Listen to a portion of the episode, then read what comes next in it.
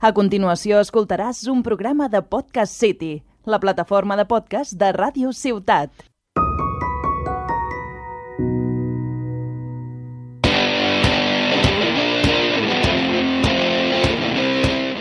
Hola de nuevo, bienvenidos al podcast Oficinista Busca Ofici. Somos Neus Juve y Clara Pagés y hoy volvemos a hacer un episodio, esta vez en castellano, con motivo de nuestro especial invitado.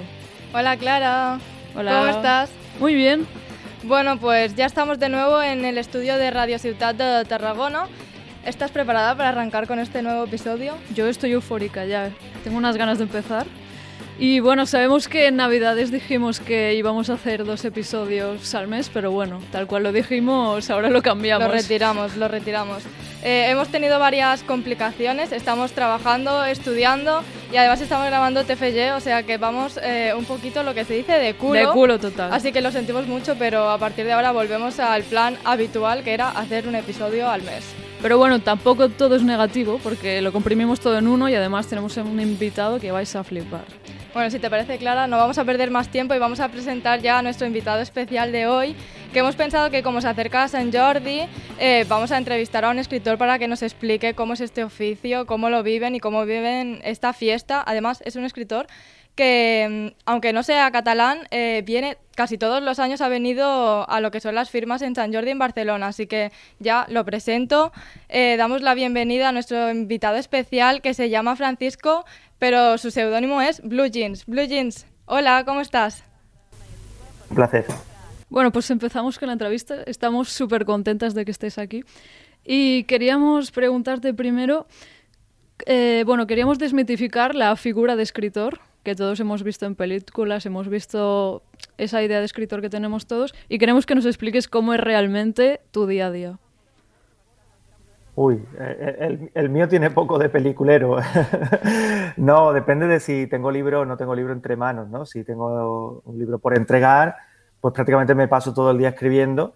Eh, antes escribía en una cafetería, antes de la pandemia, eh, rodeado de gente, de ruido, de música, eh, totalmente contraria a la idea que se, que se tiene. Y ahora que estoy, que de- después de la pandemia, los dos últimos libros los he escrito en, en, en casa, encerrado, me ha costado muchísimo. Pero bueno, eh, cuando, cuando tengo libro por medio, pues me paso el día escribiendo y cuando no tengo, pues prácticamente me paso el día viajando, promocionando la novela, ahora en redes sociales también, que, que los escritores somos escritores 2.0, ¿no? Como se llama. Y bueno, mucha, mucho de mi tiempo está relacionado con, con lo que hago. ¿Cómo es tu rutina? O sea, te levantas, me refiero cuando tienes que escribir libro, Ujú. te levantas por la mañana, te pones ya a escribir, primero el café, ¿cómo es el día? Sí, yo sin café no, no soy persona. Sí, eh, me, me solía ya desayunar fuera de casa, además. Me, me gustaba desayunar fuera de casa antes de todo lo que ha pasado. Eh, y escribo por la mañana y por la tarde. Me levanto, eh, desayuno, eh, me voy a escribir, escribo hasta la hora de comer, eh, como, descanso un rato y me pongo a escribir otra vez hasta las siete y media, ocho, que, que llamo a mis padres por teléfono. Yo vivo en Madrid, mis padres viven en Sevilla, los llamo todos los días. Y luego por la noche sí que desconecto y sí que, sí que intento pues dedicárselo a mi pareja, a ver una película, a ver una serie, salir a cenar o algo así, ¿no? El deporte, que también me gusta mucho. Y eso de lunes a domingo. Eso sí que, sí que intento escribir todos los días y, bueno, depende también de cómo, de cómo me encuentre en la jornada, pues escribo más o escribo menos. Para hacernos una idea, más o menos, ¿eh? ¿Cuántos meses tardas en escribir un libro? Yo creo que yo no soy referente en esto, es decir, eh, normalmente un libro se tarda, hay gente que incluso tarda años en escribirlo. Eh, yo me pongo como unos tres, entre tres y cuatro meses, es decir, desde que, desde que abro el, documento de Word, le pongo el título, hasta que lo entrego, son unos tres meses, tres meses y medio, mucho cuatro. Luego sí que hay un periodo también de correcciones, que ya entra, ya entra en juego la correctora y las editoras, pero, pero yo no suelo tardar mucho, como mucho cuatro meses. ¿Y cómo puede ser que seas capaz de escribir en un sitio público con ruido, con música? Porque yo lo pienso, cuando nosotros escribimos trabajos necesitamos silencio, concentración y estar por eso, entonces no, no me cabe en la cabeza. Hay un problema técnico. ¿Nos escuchas? Chicas, ¿me escucháis? Sí, Nosotros nosotras sí. sí. nosotras sí. ¿Hola? Ahora. ¿Sí? ¿Ahora sí? Ahora sí. Vale, te, repito la pregunta. Era que si, ¿cómo es que vas a un restaurante con música y tal y eres capaz de escribir allí? Pues esto vino de, cuando empecé a escribir, ¿no? Que vivía en un sitio tan pequeñito que, no tenía ni un sitio concreto ni una mesa en condiciones para, ponerme a escribir. Y comencé a irme a las cafeterías y aquello, aquello me dio resultado. Me acostumbré y convertí una de las cafeterías del centro de Madrid como una especie de oficina. Además, una cafetería que estaba muy céntrica, de, un, de una cadena importante. Y además me sentaba al lado de la puerta, por lo que venía mucha gente a verme y tal. Lo que pasa es que conseguí la capacidad de, cuando estaba centrado en la historia, aunque me interrumpieran, aunque viniera alguien a hacerse una foto, que le firmara una servilleta, un vaso, en cuanto me, centraba de nuevo en la historia, eh, me concentraba, ¿no? Era capaz de, centrarme solamente en la, en la novela. Y eso estuve así durante, durante 10, 11 años, ¿no? Que no era postura, vamos, que escribí eh, 13 novelas, las escribí así. Y te íbamos a preguntar, hablando también un poco del tema del bar, la gente te paraba y tal, ¿cómo llevas eh, lo de la fama? Porque claro, al principio eras menos conocido, obviamente, la gente te va conociendo así como vas escribiendo. Eh, ¿Cómo llevas esto de al principio a lo mejor poder escribir tranquilo en el bar y de poco a poco pues la gente supongo que cada vez te paraban más? Bueno, yo siempre lo llevo con mucha tranquilidad. También es verdad que, es una fama, no es, no es la fama de un cantante ni es la fama de un deportista ni de un actor, ¿no? Es, la fama de, alguien que escribe. Y en mi caso, y además yo lo agradezco así, que los que se han hecho más o menos famosos han sido los libros, ¿no? Eh, a lo mejor hay, gente incluso que me ha confundido con Federico Mocchia o con John Green. Eh, me han empezado a hablar en inglés.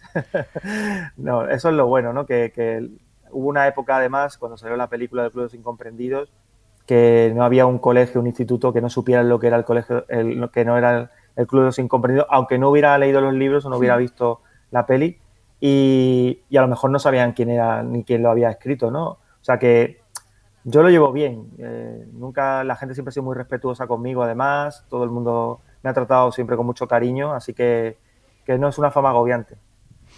Y hablando un poco de los principios, o sea, de tus principios, ¿de pequeño te gustaba leer? Sí, sí, yo tengo la suerte que mis padres son muy lectores los dos. Eh, y así que desde antes de nacer, la habitación que iba a ser para mí, ya tenía libros en las estanterías, ¿no? Siempre he tenido libros, siempre me han regalado libros por los cumpleaños, eh, los reyes me han traído libros y bueno, en Carmona, en la casa, tenemos una biblioteca de, creo que está por los 15.000 libros, ¿no? Así que he vivido siempre rodeado de libros y, y gracias a eso pues me convertí en lector y muchos de los que nos gusta leer pues terminamos escribiendo, ¿no?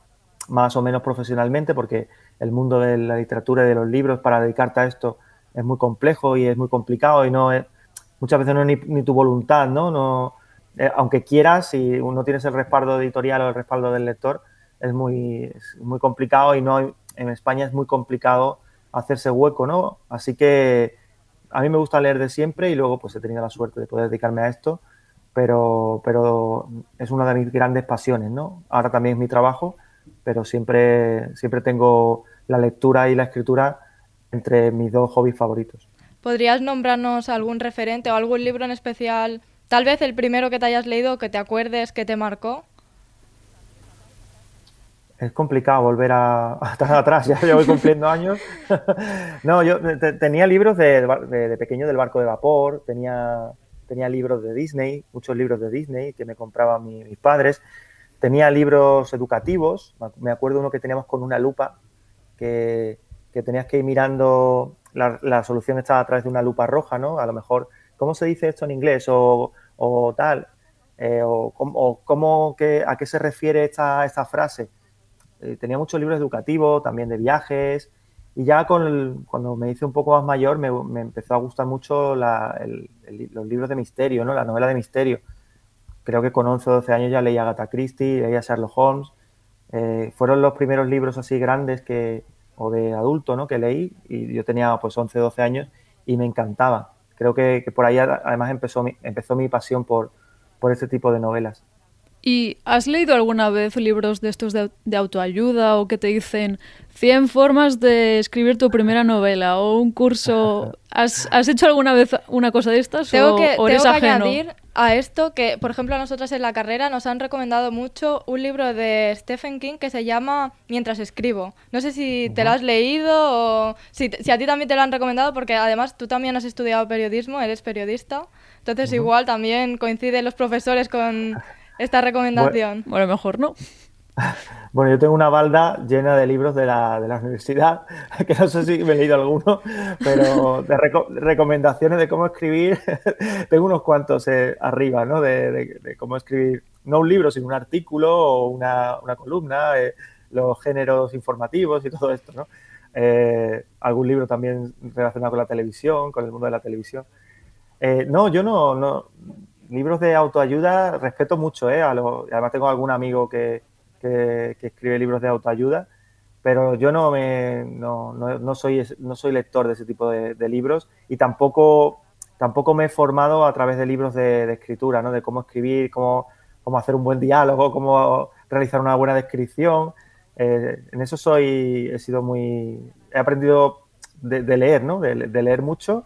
Eh, también lo que, lo que yo he ido sintiendo lo, más importante creo que me pasó a mí fue en, encontrar eh, mi estilo muy rápido, ¿no? Eh, me, sentí muy cómodo con mi forma de escribir y, aunque evidentemente he cambiado mucho en estos 14 años que llevo escribiendo libros y, creo que ahora las cosas las hago un poquito mejor, a otro le podrá gustar más canciones para Paula, pero yo sé que hago las cosas de otra manera y las hago, mejor. Eh, mm, e, ese estilo permanece, ¿no? Permanece los capítulos cortos, la intensidad del personaje, esos son libros de, muy de personajes, eh, el lenguaje sencillo, ese, estilo de Blue Jeans creo que me acompaña desde Canciones para Paula hasta Los Crímenes de Chopin, que es el último que he escrito. Hablando un poco de Canciones para Paula, fue el primero que te publicaron, pero imagino que antes de, de, estos libros ya habías escrito otros que, bueno, es que es muy difícil que te publiquen libros, entonces supongo que antes ya habías escrito otros, ¿no? Bueno, eh, eh, realmente escribir, escribir, eh, novela, escribí una, una anterior, que fue la que no me publicaron, que se llamaba El legado de Ágata, muy a lo Ágata Christie. Y esa sí, esa sí que fue mi primera novela, no tenía trabajo como periodista, tenía mucho tiempo libre y, como siempre me había gustado escribir, pues me pregunté a ver si era capaz de, escribir una novela que tuviera sentido, ¿no? De más de 200 páginas.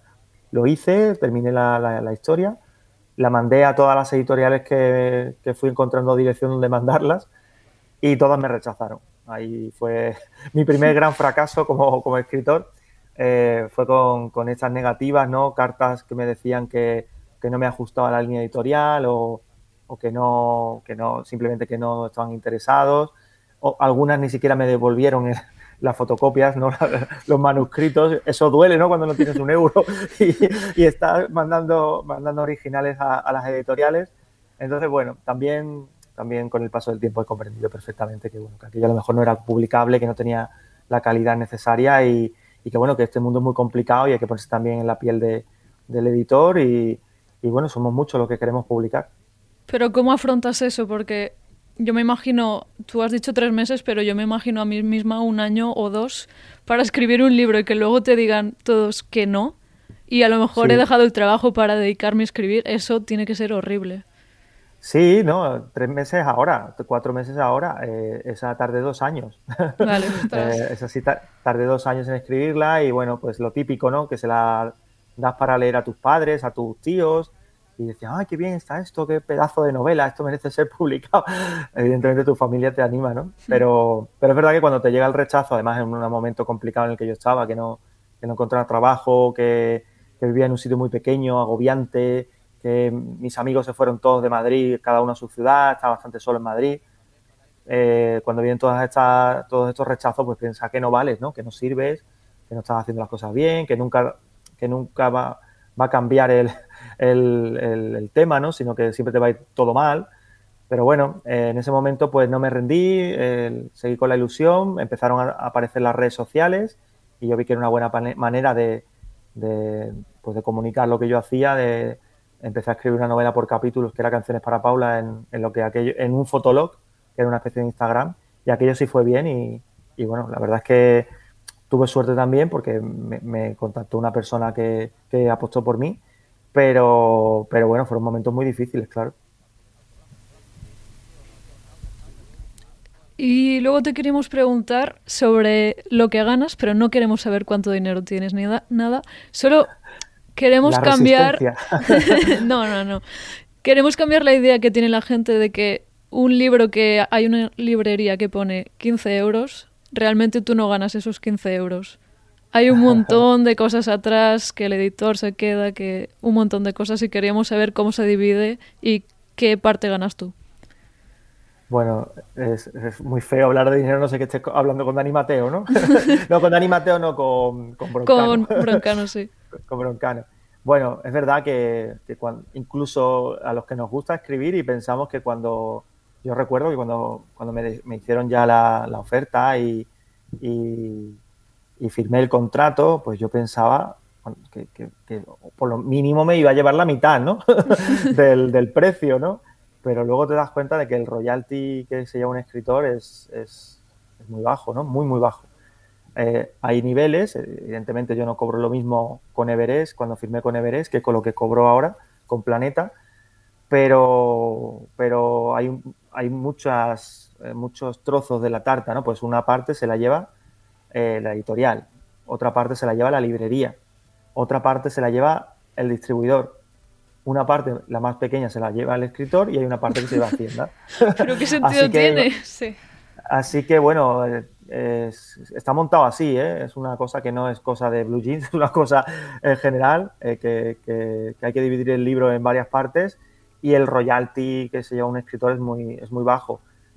Como he dicho antes, ¿no? es, es muy complicado dedicarse a esto porque tampoco las ventas de los libros en España es una cosa que, que, sea desmesurada. Eh, los bestsellers sí que pueden llegar a vivir de esto y vivir bien, pero la mayoría, el 98%, es gente que publica y tiene que dedicarse a otra cosa, ¿no? El 98% es generoso, quizás el 99%. Y hablando ahora se ha puesto muy de moda lo de los libros digitales. ¿Con eso también hay una parte que va para vosotros o es otro funcionamiento? Sí, sí, no, todo lo que, todo lo que tú publiques tienes que llevarte una parte, ¿no? Eso está en cada contrato. El, tema del, del, digital, como no hay parte de distribución, pues el, aumenta el royalty del, escritor. Lo que pasa es que, es que también los precios son menores. Entonces, lo que te llevas por, por libro digital es menos que lo que te llevas normalmente por el libro en papel. Eh, bueno, está, está así, ¿no? Eh, eh, ojalá nos lleváramos más.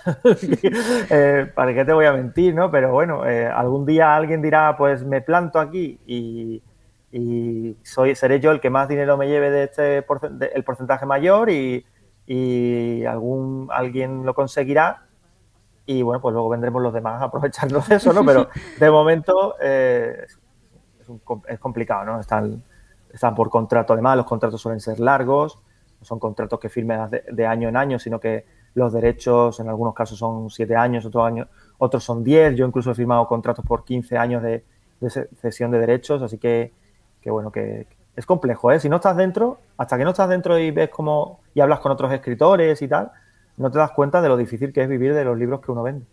Esto también era lo que queríamos sacar, porque, claro, como ha dicho Clara, eh, la gente tiene la idea de que, wow, es escritor, es rico, mm, se, pasa la vida viajando, puedes escribir de donde quieras, pero es que realmente no, no es todo tan simple como vendo los libros y lo que cuesta el libro lo que me llevo, porque realmente no es así.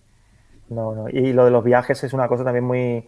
Sí, viajamos mucho. Ahora, ahora sobre todo, ¿no? Sobre todo los que viajamos, los que, los que realmente estamos ahí. Eh, es decir, que que los autores que están empezando o autores que se autopublican, autores con editoriales pequeñas, eso supone un gasto, ¿no? Supone un viaje, un transporte, una, una estancia en, el sitio, un hotel.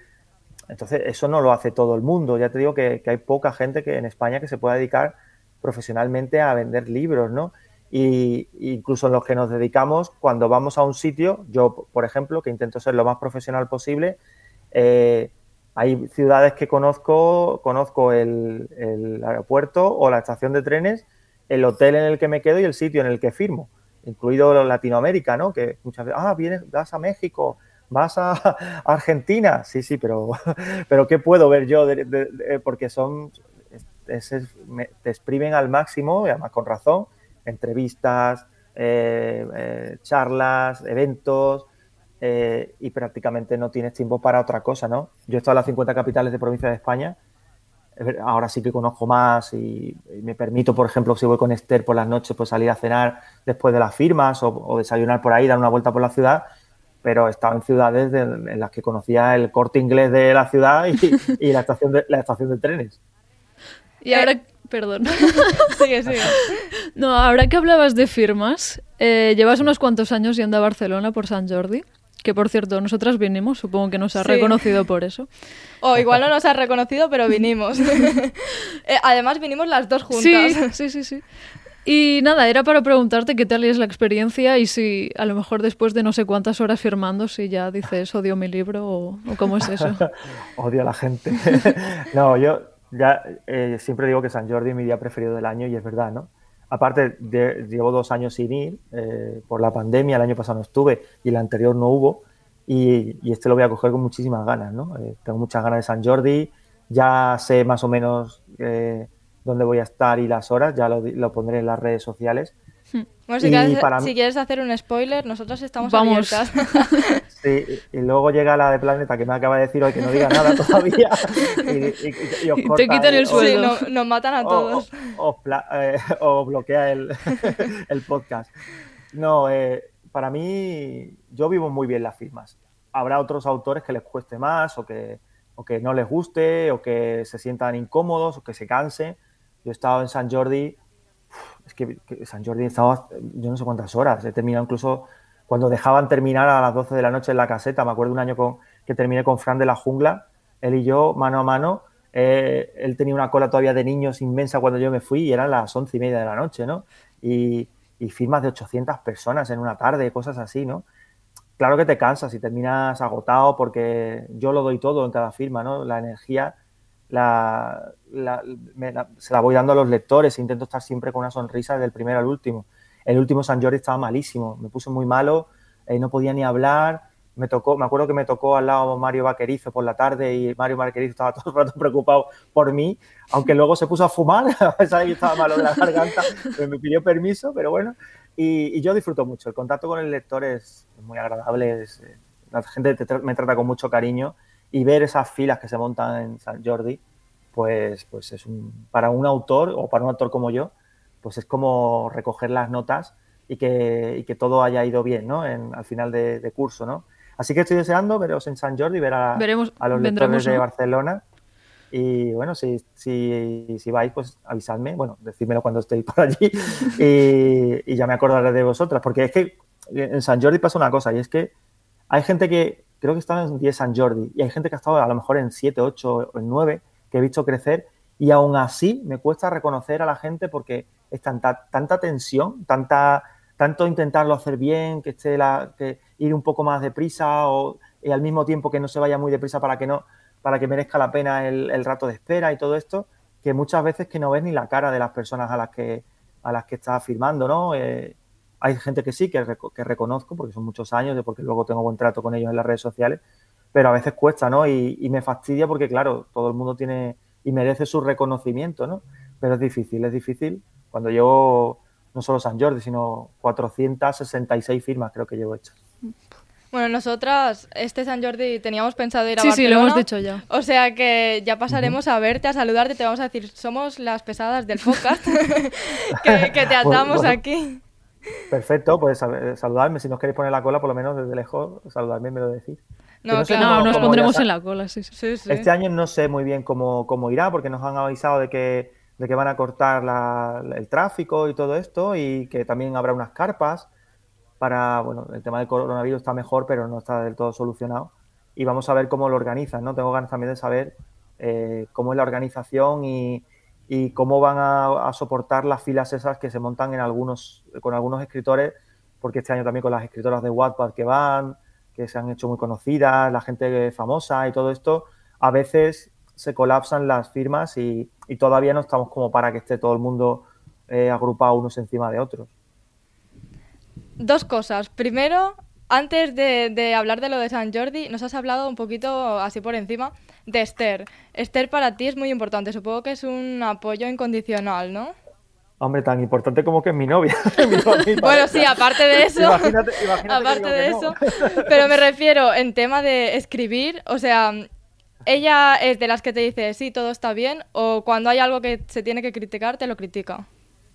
Depende del día que tenga. ¿eh? hay días que está muy, muy amable y hay días que no pasa ni una. no, Esther es muy importante, evidentemente, no solo por porque es el apoyo incondicional que tengo aquí al lado, es mi persona, es la persona que está conmigo eh, las 24 horas del día, aunque es verdad que ahora ya ya trabaja en su oficina. Eh, a la hora de, escribir, de plantear una historia, ella se implica y, y está pendiente de todo, ¿no? De hecho, para elegir los títulos siempre tenemos charlas, conversaciones, vamos soltando frases los dos. Eh, cuando tengo una idea de un libro, eh, pues a la primera que se lo cuento es a ella. Eh, si hay algún capítulo así un poco que no estoy muy convencido, le voy leyendo. Y ella no se arruga, es decir, si no le gusta algo, me lo, me lo dice, vamos. no tiene ningún tipo de, de reparo en decir, yo eso no lo veo, ¿no? Entonces, mi primer pronto, que es mi mayor defecto, es enfadarme. enfada, pero ¿cómo me dices esto? Si llevo ocho horas metido ahí abajo, no, no me puedes. Pero al final lo piensas, ¿no? Y dices, pues igual me lo está diciendo por algo, ¿no? Pasa como con mi editora o con la correctora, cuando, cuando alguien te dice algo no es por fastidiarte, es porque lo ven de otra manera y es muy bueno escuchar y y muy bueno que haya opiniones diferentes de las cosas, porque todos queremos lo mismo, ¿no? Que salga la mejor novela posible y si hay algo que yo estoy haciendo que que no lo ven o que alguien no, no, lo tiene claro, pues es bueno cuestionárselo, ¿no? Así que Esther es la primera que me lo cuestiona y, bueno, también es el, es el, primer apoyo y el primer, el primer soplo de, que las cosas las, estás haciendo bien y, y, bueno, pues está siempre ahí, ¿no? Así que, que, sin Esther yo creo que esto no, todo lo que he hecho no, no, no habría llegado, no habría salido adelante. ¡Ay, qué susto! Ah, eh, no habéis sido vosotras, ¿no? No, no. ha sido el técnico, ha sido el técnico. Ha sido el técnico, pues está emocional técnico. Em, también quería preguntarte que, por ejemplo, los otros San Jordi sí que sacabas el libro antes y claro, me acuerdo que comprabas el libro e ibas a la firma inmediatamente.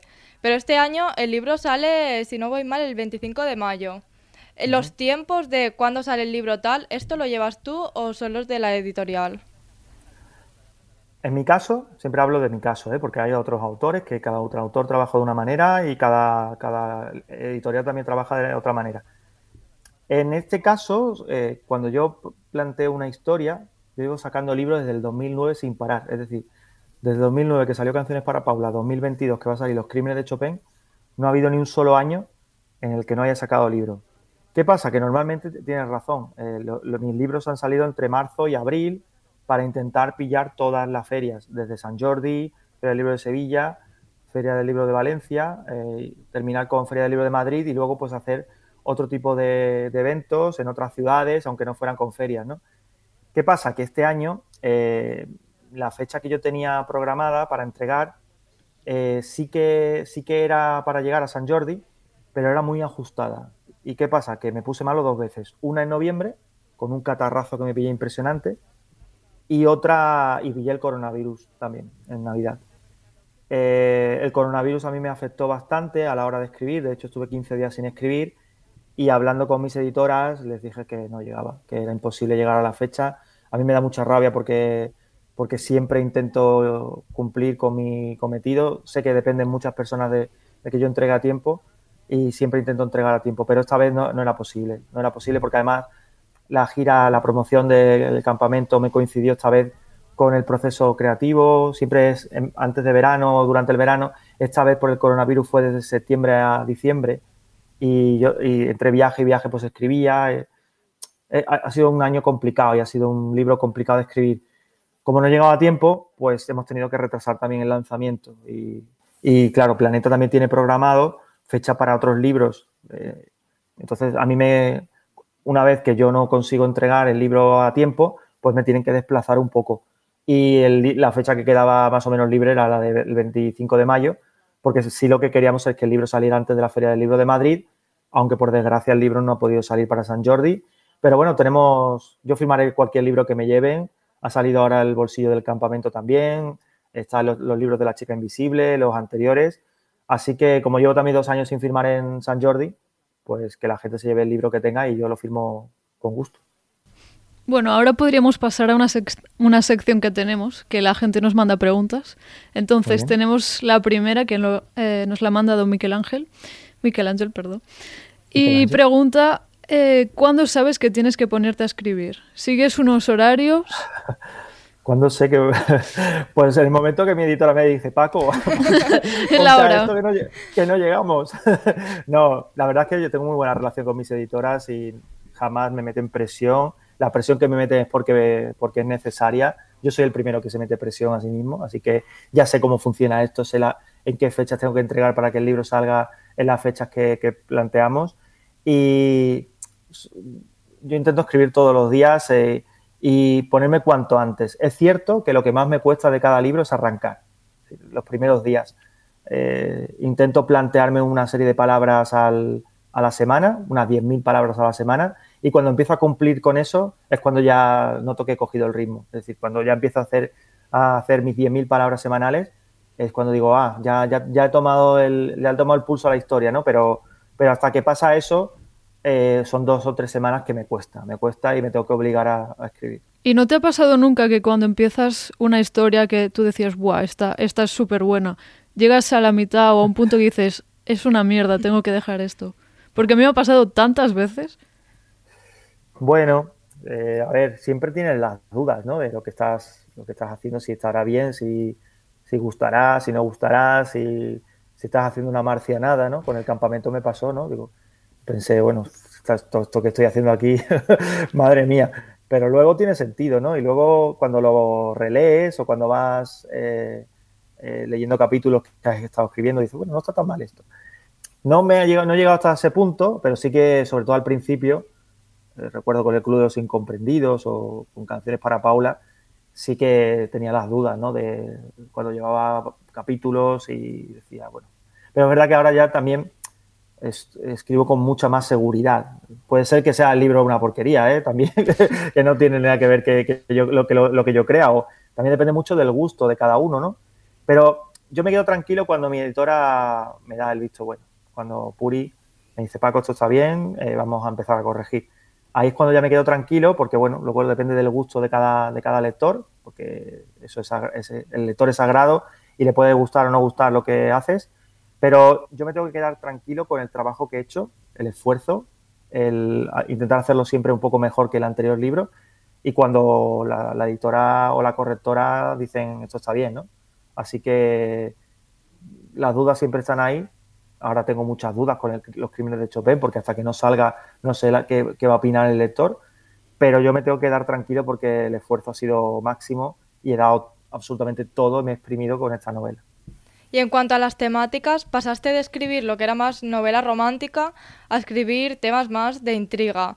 ¿Te dio mm, esa adrenalina de a ver qué va a pasar cuando lo publique?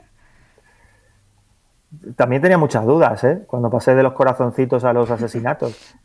Eh, ¿Por qué? Pues porque el lector estaba acostumbrado a algo y nos iba bien, ¿eh? Que no nos iba nada mal con, canciones para Paula, luego el Club sin comprensión fue un boom, es algo tan sencillo, funcionaba, estaba funcionando muy bien, pero tienes que, de vez en cuando tienes que salir de tu zona de confort y corres el riesgo de terminar cansándote de ti mismo, ¿no? y yo no es que estuviera en esa época, en ese punto, pero sí que necesitaba pues, un cambio, ¿no? Algo, algo que cambiara lo que estaba haciendo. Eh, y, lo vi claro, lo vi claro, aunque con, muchas dudas, ¿no? Eh, lo bueno es que tuve el respaldo de la editorial, no ya de la gente que trabajo con la que trabajo, que es un equipazo, sino de los jefes. Entonces, cuando el jefe te dice, Paco, yo esto lo veo, vamos a ir a por todas con esto, pues tienes mucha confianza. Luego ha ido muy bien, la verdad que con la chica invisible no solamente a nivel de ventas, a nivel de opiniones, sino todo lo que me está dando la chica invisible. Eh, ha merecido muchísimo la pena el cambio y, estamos en un punto muy bueno con todo lo que viene por delante, con la chica invisible, con el campamento, ahora con los crímenes de Chopin. Eh, creo que acertamos en su día con, con el cambio que hicimos. Ah, antes he dicho esto de que vas a publicar el último libro, bueno, el último hasta el momento, eh, el 25 de mayo. Ya que eres periodista, danos un titular de cómo va a ser el libro. Uy, yo estoy muy oxidado ¿eh? con el tema del periodismo. bueno, no, en el, libro lo que hay es una periodista. Esto sí que además tiene 22 años. Nuestra edad, nuestra edad. A lo mejor es sobre nosotras, ¿eh?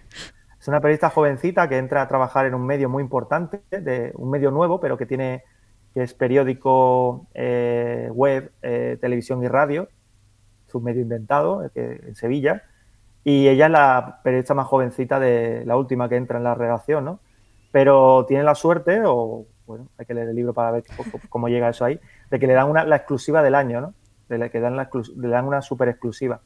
Y la directora del periódico, en lugar de, darse, de quitársela y dársela a otro compañero, le dice que siga con eso adelante, ¿no? Y ella se obsesiona con el tema con el tema de, Chopin. Eh, un titular, pues eh, no, sé qué decirte, pero, pero bueno, es una novela al estilo La chica invisible, con Sevilla de protagonista. Intriga, ¿no? que vamos a estar enganchados hasta el final. Pues eso espero. Esa es la idea, ¿no? sí, la idea es jugar con vuestra mente también, un poquito, ¿no? El, que, el que, pues como he intentado hacer en los últimos libros, ¿no? Un reto entre el lector y el escritor para ver si el, lector es capaz de, averiguar qué pasa antes de que yo se lo cuente. Bueno, en realidad creo que tú también los has leído, los dos, los de Canciones para Paula y el Club de los Incomprendidos. Y a mí los leí hace mucho tiempo, con 13, 14 años, y sí que recuerdo que enganchaban muchísimo. O sea, cada final de capítulo era como, no puedo parar, tengo que continuar, continuar, y al final acabábamos el libro. Yo tengo que decir que me lo compré, no me acuerdo cuál era de todos, pero me acuerdo que me compré uno en verano y mi madre me dijo, te tiene que durar por lo menos un mes.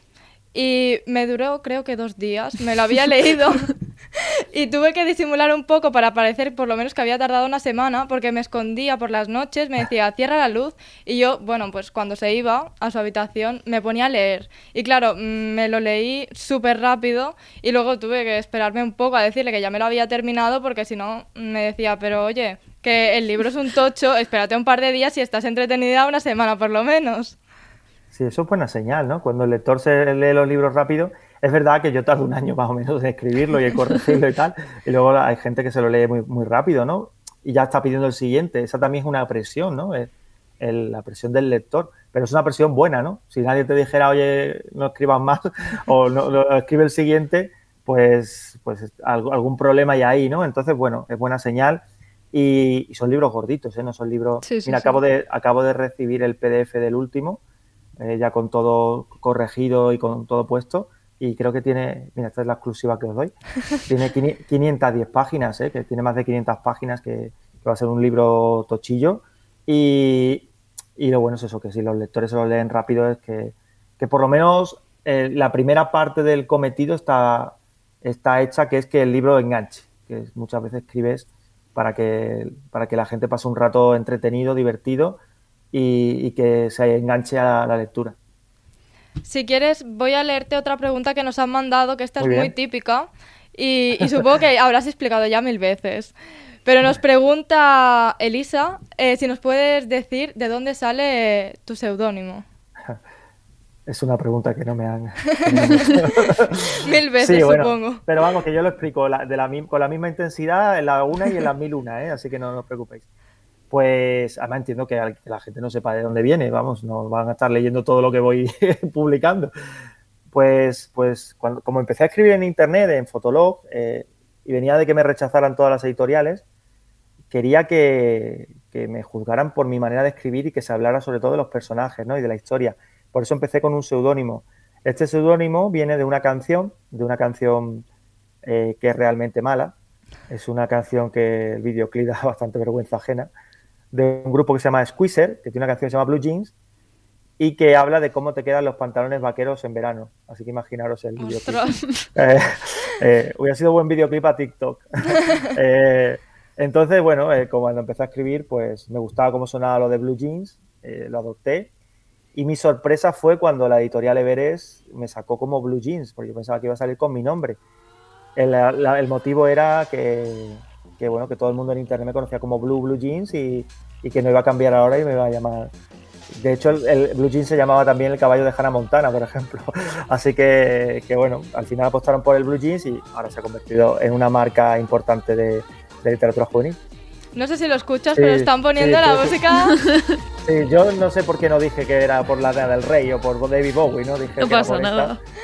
por, por, mi sinceridad ¿no? y mi honestidad, pero es verdad que cada vez que me la ponen paso bastante vergüenza. Bueno. Pasamos a la última pregunta, si te parece que está bien, bien. por audio. A ver si nos la ponen. A ver si la encuentro, no la encuentro. bueno, es que tenemos un super fan que nos manda siempre notas de audio. Se, llama Aaron, ¿no? Sí. Se llama Aaron. Y nos ha mandado un audio con una pregunta. Esta. Aquí, está, aquí está Aaron. Ahora, ahora. Soy Aaron Lozano y soy fan, fan, fan incondicional del podcast. Y siempre me habláis de que vienen profesiones raras y tengo que hacer preguntas, pero nunca había hecho una pregunta a unos pantalones. Estoy flipando. Bueno, quiero saber qué tipo de pantalones eres. ¿Eres un pantalón recto, un pantalón skinny, un pantalón bootcut? Porque claro, yo me quiero identificar con los pantalones. En una entrevista de trabajo hace poco me preguntaron con qué fruta te identificarías y yo me quedé en blanco. Dije el tomate, porque nadie sabe que es una fruta, como yo, que nadie sabe mi potencial. Pero si me preguntan alguna vez cuál es mi tipo de pantalón con el que me identifico, no se me ocurriría. Ah, ah, ¿qué es Blue Jeans? El escritor. Blue Jeans, el que escribió El Club de los Incomprendidos, algo tan sencillo y La Chica Invisible, que por cierto, algo tan sencillo como tuitear te quiero es mi libro favorito desde que tenía 15 años. Entonces, claro, se me han los esquemas. La única pregunta que tengo es, ¿tienes algún jean que no sea blue en tu armario? Y retomando lo de los pantalones, ¿con qué tipo de pantalones te identificarías? Esa ha sido la pregunta clave. Este Aarón Está un poco mal. Él tiene más de pantalones que yo, de verdad. A ver, eh, sí, tengo algún que otro pantalón que no es, que no es azul. Eh, sí, sí. Yo, yo me identificaría con un pantalón cómodo, con, con, un vaquero, con un pantalón ancho, con un pantalón de deporte, con un pantalón corto. Estoy deseando que llegue el buen tiempo a ponerme pantalón corto. eh, no soy una persona que, gaste mucho tiempo en, ropa, ni tiempo ni mucho dinero, la verdad. Y, bueno, la suerte que tengo de dedicarme a esto y de poder, y de poder, de ser además escritor de novela juvenil, es que puedo ir vestido como me da la gana. No tengo que ir en chaqueta y corbata, no tengo que ir con traje, no tengo que ir vestido con pinzas. Eh, así que bueno, eh, intento ir con vaqueros, no por lo de blue jeans, sino porque es con lo que me siento más cómodo y algún pantalón que otro tengo de otro color, aunque siempre o casi siempre me verás en las firmas con un pantalón azul. Bueno, pues creo que está ya esta entrevista. Te hemos atado aquí casi una hora, o sea, hace una hora que estás con nosotras. Creo que ya va siendo hora de, despedirte, de dejarte ir a cenar, que supongo que no, no queda mucho, son casi las 8 ahora mismo. Aunque bueno, el podcast va a salir no sabemos a qué hora, así que igual la gente se, está por irse a comer y se lo escucha en ese momento. Pero nosotros te vamos a dejar ya que, vayas, que disfrutes y, bueno, tanto Clara como yo queremos darte las gracias por aceptar nuestra propuesta, que, bueno, los, los nuestros seguidores no lo saben, pero te escribimos así por Instagram. no, no, escribimos diciendo a ver si responde y nadie os dice que no. Bueno, yo siempre intento responder a todos y, las entrevistas da igual hacerlas para eh, Telecinco, eh, La Razón, eh, un, canal de Twitch que, lo sigan cinco, un blog que acaba de empezar o un podcast, que, todos somos iguales y, yo encantadísimo hoy. Me, he divertido mucho, se me ha ido el tiempo muy rápido y bueno, como soy andaluz, tardé todavía en cenar, pero, pero bueno, que, muchas gracias, chicas, que ha sido un placer estar con vosotras y espero que lo escuche mucha gente. Esperemos que sí. Muchas gracias por, aceptar la propuesta. Y, nada, que ya te lo mandaremos también por si luego te quieres escuchar. este bueno, mis padres, mis padres escuchan todo, así que ya la escucharán, la escucharán ellos y me contarán Sí, sí, ha ido todo bien. pues un saludo también a tus padres desde aquí, desde Tarragona, porque nosotros estamos en Tarragona. Muy bien. Y bueno, que llegue a todo el mundo este podcast, esperemos que les guste a todo el mundo. Y nada, despedirnos de ti y que vaya súper bien las firmas. Y nada, que nos vemos en Barcelona en un par de días, porque al final San Jordi. Sí, queda nada. Pues nada, nos vemos y, y me, y saludadme por lo menos, decirme que soy Sí, sí, sí, por supuesto. a hacernos la foto, porque tenemos que tener fotos Traeremos los libros de cuando Claro, teníamos claro. 14 años. Exacto, Muy vamos bien. a aprovechar, los traemos todos para que los firmes. Perfecto. Pues un placer, chicas. Que vaya muy bien. Un saludo. Gracias. Adiós. Adiós. Chao.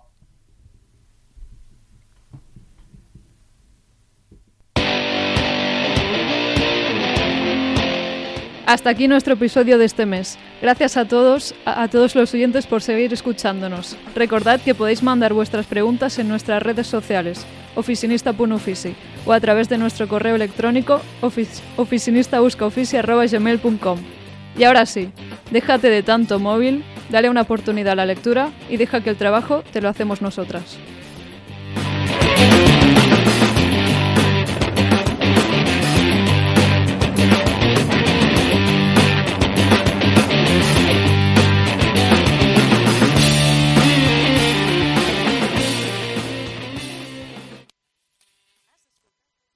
de Podcast City, la plataforma de podcast de Ràdio Ciutat.